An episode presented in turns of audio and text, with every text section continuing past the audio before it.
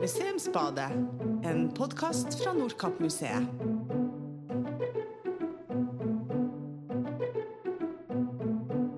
Velkommen hit til Nordkapp-museet eh, i dag. Og eh, med meg her har jeg invitert Heidi Persen. Og hun er dodger fra Nordkapp kommune. Nærmere bestemt så bor hun på i Stranda, for eh, oss som er mer lokalkjent. Velkommen hit, Heidi. Ja, tusen takk. Du, vi eh, har jo hatt gleden av nå å få åpne ei sommerutstilling her på Nordkapp-museet som eh, viser frem hornluen. Eh, den, eh, den, gamle samiske tradisjonen og det storslåtte hodeplagget. Så eh, Heidi, du har eh, jo laga det vi har her på museet nå. Og hva var det som hvordan var det at du havna borti det med hornlue? Ja, jeg tok jo master i eh, kunst og håndverk og design på Notodden. Og pendla en del dit. Og den siste delen av den skulle jo være en, den masteren, da. Hvor vi skulle fordype oss i et emne. Og eh, siden jeg er fra Stranda, vokste opp i sjøsamisk kultur, og eh, mor og bestemor som hadde samelue på seg, så var jeg jo veldig inspirert ut av dem da. Og ønska jo å videreføre de her doji-tradisjonene. Mye ble jo borte under fornorskninga, særkofte og sånn. Men jeg tok det jo ganske tidlig opp når jeg var 16-17. Eh, så um, når jeg da skulle velge master, så var det ikke tvil om at jeg skulle ta og velge doji. Og egentlig så var det tilfeldig at jeg kom inn på hornlua, men jeg var på mu museet i Karasjok og så den der bak i en monter, og den ville jeg jobbe med. Og da etter hvert så fikk jeg jo lånt den ut og målt opp. Og det som var artig med den første hornlua der, det var jo at når jeg kom hjem da og begynte å søke i min egen slekt, så fant jeg ut at uh, hun som hadde eid den der hornlua, hun Kirsten Jompan, hun kom fra samme slekt som meg. Og det var jo veldig spennende. Ah. Ja, fordi det er akkurat det der at jeg syns også at nå når vi har fått det innomhus her på museet, det er veldig spennende. Mm. Og det, det, er sånn at uh, vi får inn her en del av uh, den samiske, sjøsamiske kulturen som vi uh, har kanskje vista av langt bak i hodet, men aldri tatt helt frem, som du sier. Det lå bakerst i, i skapet. Og nå når jeg studerer bilder vi har oppe på veggen, så kan jeg se på et bilde fra Le Recherche-ekspedisjonen at en av damene har ei sånn hue på seg. Mm. For du, hvordan, hvordan, eh, var det enkelt å finne bilder og finne de her, noen gjenlevende eksemplarer? Ja, så jeg jobba jo ganske systematisk. Jeg gikk jo tilbake i tid og reiste tilbake i historien så å si hele tida. Eh, og jeg gikk jo gjennom eh, de her reiseskildringene. Det er jo mange fra Frankrike, England og flere andre land som har reist hit opp til, og spesielt opp til Nordkapp. Så jeg leste mange tekster og gikk gjennom mange illustrasjoner gjennom de tekstene. Og eh, også kunstnere, malerier, de har også veldig mye å fortelle. Så jeg så jo også det bildet som du nevnte, som var fra Nordkapp. Hadde jo spesielt eh, fokus på Nordkapp og Alta, siden det er de to plassene jeg bor nå. Ja, eh, det finnes veldig mye å finne, egentlig. Og så har jeg gått igjennom et stort bildemateriale da, da fotografiet kom, og frem til i dag. Og 1920 er vel det siste bildet man kan finne av hornlua i bruk. Og så har jeg jo vært rundt på museet, jeg har jo bl.a. vært her og leita om det kunne finnes noe samiske luer. Og eh, i Tromsø, Karasjok, Kautokeino.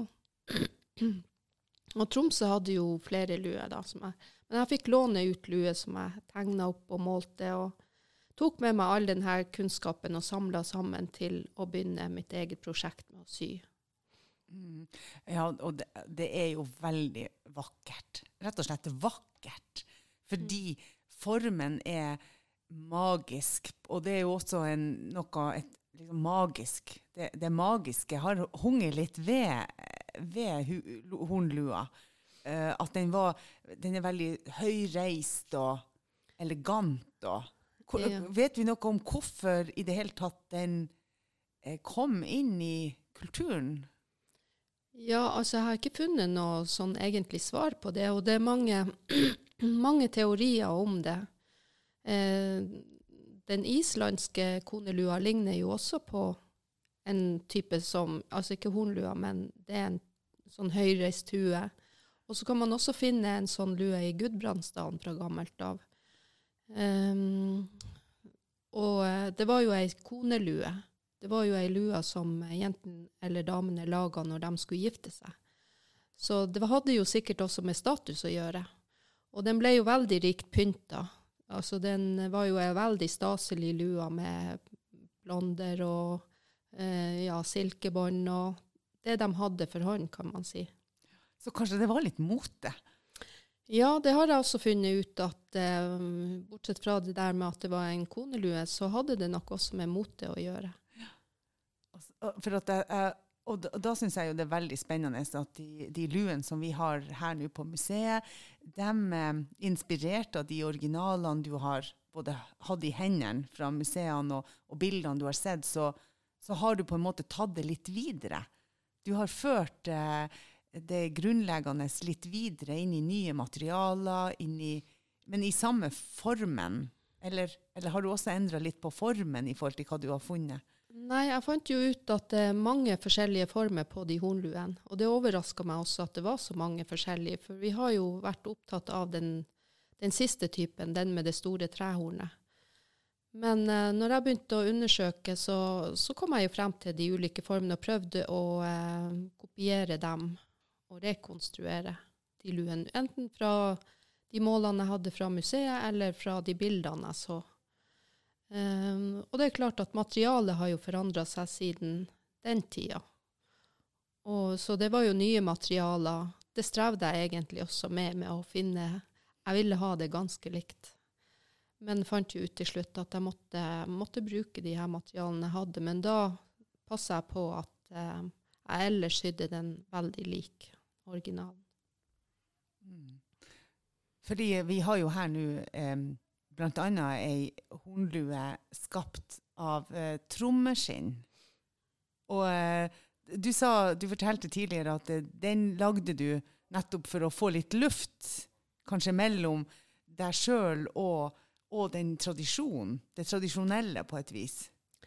Ja, jeg jobber jo også som tema med tradisjon, og når forandrer vi tradisjon, og hvorfor er det viktig egentlig å holde på tradisjon? Eh, så um, underveis da jeg hadde jobba mye med lue, og, og jeg prøvde å kopiere så godt jeg kunne. Noen ganger så havna jeg jo utafor, for jeg ble så inspirert av andre ting. Men akkurat med denne eh, lua av et Eller det er jo et kunstverk, da, som er av trommeskinn. Jeg var jo ganske lei av å være i den tradisjonen, så eh, jeg tok da formen til hornlua og brukte trommeskinn til å legge utapå formen. Så det er egentlig en kombinasjon av ei tromme og ei hornlue. Veldig spennende. For, fordi det, det drar oss på en måte litt over eh, i det som er det, den praktiske hverdagen med sine, sin, sin stas og sine hva skal jeg si, luer som en bruksgjenstand. Altså det var en, et, en del av ei bekledning som var veldig staselig, men laga på eh, mange måter, som du sier, og også med de materialene som man har hatt eh, opp igjennom tida.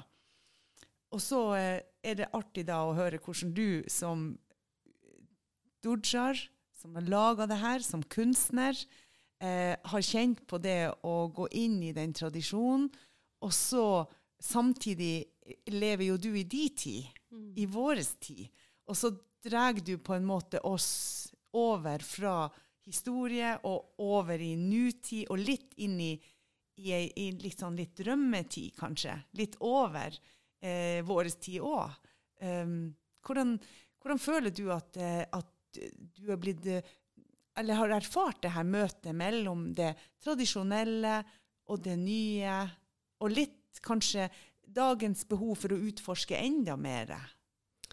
Ja, altså det jeg oppdaga underveis, er jo også at det, det ligger mye eh, historie og doji fra tidligere tid som vi bør hente frem.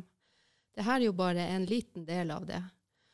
Og um, når jeg har jobba med de her luene også, så har jeg jo kommet mye nærmere de her kvinnene. For jeg har jo sittet og sydd mye for han, og ting har gått veldig langsomt. Du kan ikke sy de her huene på maskin, for du får ikke det hornet under symaskinfoten. Så um, Nei, det har vært helt fantastisk, egentlig, å um, kjenne på den følelsen av at du må ta deg tid til uh, å roe deg ned for å kunne gjennomføre det. Og da kommer det veldig mange tanker, fordi at uh, du må se hvert eneste sting og bruke tid på hvert eneste sting. Så um, ja. Ja, det er nydelig. For det er jo akkurat det som eh, kanskje vi preges av i, i vår hektiske hverdag. Vi rusher og skynder oss fra det ene til det andre.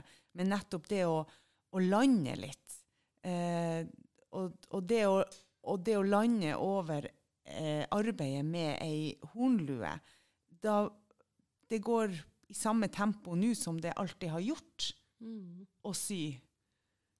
Ja, det her tror jeg ikke er ei lua du klarer å masseprodusere. Altså da Det som skjer også underveis, er jo at du må prøve å tilpasse den lua til, um, til det hornet, først og fremst. Altså det er jo der du starter. Og hornet blir bestandig forskjellig fra gang til gang. Du klarer ikke å lage den helt lik. Og så har du det med materiale og kombinasjonene av stoff og blonder og bånd og så hver, hver, eneste lua blir jo veldig unik, og det ser man i den eh, undersøkelsen også. Uh, jeg har jo vært inne på Digitalmuseet og gått gjennom masse bilder, og alle de luene er jo forskjellige. Mens i dag har du eh, Altså luene er jo mer uniform i dag. Veldig lik hverandre. Ja, for det er veldig spennende, akkurat det funnet der som du har gjort i, i, i det bakgrunnsarbeidet, i masteroppgaven som du har gjort på det her, at, at det er ingen eh, felles koder for uh, hvordan noe skal se ut for å fortelle hvor du nøyaktig er fra. Du er liksom Hornlua tilhører Sápmi, og det er at du er innafor den kulturen, du er innafor det rommet, på en måte, som da er det store rommet. At vi, det, du har ikke funnet at du kan skille mellom at sånn ser det ut i i Altafjorden, og sånn ser det ut i Porsangerfjorden eller i Tanafjorden eller, eller sånne eh, plasser. Ja, det er akkurat det også. At eh, Dodji i dag er jo veldig forandra i forhold til koften. Eh, kofte og lue det er blitt veldig uniform, og det er én måte å sy på. Mens når jeg undersøkte de her, så har kvinnene hatt en veldig stor frihet eh, til å bruke de materialene de har hatt. De har kombinert stoff for å få få et helt, eh, helt pynt rundt hodet, f.eks. Eh, det stoffet som det er sydd rundt det kledet, den har også kunnet vært i masse små biter. Og sydd med masse forskjellige tråd på samme lua. Både senetråd, garn og sytråd. Sånn at um, du kan si at eh, de har vel hatt kanskje mer en sånn eh, gjenbrukholdning før. Og den bør vi kanskje ta tilbake. Ja, for, og når du prater om det her, så, så, føler jeg det som at det her er jo en lidenskap. Altså Du kommer inn i et uh, håndverk, inn i en tradisjon, og du har sjøl sagt uh, at det her førte deg tilbake til dine formødre gjennom arbeidet. Og, og, og det tenker jeg òg at, uh, at jeg føler at jeg skjønner hva du, hva du sier. Sant? I måten det langsomme håndverket og det langsomme arbeidet skjer. Eh, men, men også det med eh, det, de, det hornet, da, som, som, er jo det som skiller Hva vet vi om eh, det hornet, og, og, og, hvorfor ble det på en måte Først kan vi jo snakke om hva ble det laga av, da? Originalt. Og, og hva har du fortsatt med å lage hornet av? Ja, så det hornet har jo vært veldig forskjellig, for det er så mange forskjellige luer. Så noen horn har jo vært laga av skinn. Det er jo på de eh, tradisjonelle kyseluene, stort sett. Og så har du eh, de store hornluene da, som har et horn av tre. Og jeg har jo jobba med flere forskjellige måter da for å komme frem til form og bl.a. laga et i keramikk for å finne form. Jeg har fått en doegjør til å lage det hornet i tre ut fra det. Men jeg har jobba mye med isopor, og det er jo ikke så veldig godt materiale å jobbe med, sånn hvis man tenker på miljø og alt. Men um, for meg så har det vært fint å eksperimentere med det. Ja, så, så er det jo litt det her med, med mote, da. Eh, eh, føler du at eh, nå kommer hornlua har fått en renessanse? Den kommer på mote igjen? Ja, jeg syns jo det. Jeg ser jo at eh, det er mange som har begynt å lage den hornlua. Jeg har fått mange på forespørsel om jeg kan sy den også. Og folk ønsker kurs. Jeg har jo hatt ett kurs i Alta hvor det var noen som laga hornlue. Så jeg tror nok den er på tur tilbake. Ja, det er veldig spennende uh, hvordan vi uh, Ja, motene skifter. Mm. Og, uh, og, vi kanskje kommer til å se flere hornluer. Ja, det tror jeg nok. Ja, veldig, veldig artig. Men, men, bare sånn Det er jo en liten sånn kuriositet med det hornet. Og vi viser jo her nede på Nordkappmuseet. Ble det brukt, ble det brukt til å spare, altså gjemme smykker og, og, verdisaker og sånt i hornet? Ja, det var en av de tingene som jeg fant ut, at uh, kvinnene brukte hornet til å oppbevare smykker på reise. Så der var de jo godt skjult. Det var ja. ikke så lett for andre å få tak i dem. Nei. Så den hadde jo en praktisk funksjon. Um. Men ellers så var det jo eh, det med staselighet, at det var ei konelue. Eh, jeg har jo ei hornlue sjøl nå som jeg syns er veldig flott å ha på hodet, og man blir veldig høyreist med en gang. Mm, ja. Men eh, eh, hva vet vi om hvorfor eh, hornlua ble skrevet ut av historien foreløpig? da? Ja, det er ikke sånn helt fastslått hvorfor den gikk ut av bruk. Men det er jo noen teorier på det. Og den mest kjente som vi hører om og om igjen, det er at djevelen satt i hornet. Men det var ei kvinne i Kautokeino som hadde en drøm om akkurat det, at, djevelen satt i hornet. Og på et religiøst møte da, dagen etterpå så gikk hun ut og brente i lua, og mange andre fulgte henne. Det er den ene teorien, men jeg har ikke funnet noe sånn konkret beskrivelse av det. Det er jo sagt også at det var et forbud mot hornlua, at prestene forbød kvinnene å bruke den. Men det har jeg heller ikke funnet noe beskrivelse av. Så tenker jeg jo at det må ha vært en, eh, en mote også som gikk ut av bruk. Ja, det er fascinerende. Altså, her eh, nå i denne utstillinga som vi eh, er så heldige å ha her på museet, og den skal vi jo ha helt til eh, 19.9. Så gjennom hele sommeren så kan man komme hit og, og ta de her vakre luene i øyensyn.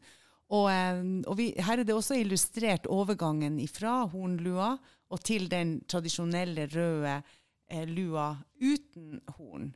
Eh, har du noen tanker om hvorfor den eh, hua som vi er kjent med i dag, eh, formes eh, sånn som den gjør? Ja, etter hornlua så ble jo bare hornet tatt bort, og da var det ei lita rundlua uten horn. Men så har den eh, skal vi si, den pullen opp på lua, den har jo vokst med tida. I begynnelsen så var det bare noen rynker bak på lua, og så etterpå så ble det flere og flere, og flere rynker, og den pullen vokste jo. Og i dag er den jo ganske stor. Ja, så den har jo også utvikla seg. Så, så, det som skjer, det er rett og slett at lua blir naturligvis, altså på en naturlig måte, mer høyreist. Mm. Det, var, det, er veldig fint uh, å tenke på. Ja. Jeg syns jo egentlig at noen av de luene som uh, blir sydd i dag, den er kanskje litt høyere enn hornlua. Nettopp. Mm. Ja, veldig spennende. Vi uh, er veldig glad for at vi kan nå i løpet av sommeren få lov å vise det, de her luene her på Nordkappmuseet. Og så eh, eh, håper vi jo at vi kan kanskje få invitere deg, Heidi, tilbake hit. Eh, kanskje litt eh, over fellesferien. Til, for vi, vi, skal ha en liten sånn workshop for å lage sånne minihornluer her, som vi tenker vi må få prøvd ut. Men vi må jo få lov å da å ønske deg, Heidi, god sommer. Ja, tusen takk. Så, og så eh, gleder vi oss til å eh, få være vertskap for uh, luene dine i sommer. Um, ja, og så håper vi at vi uh, ses igjen veldig snart. Ja, det gjør vi sikkert. Takk.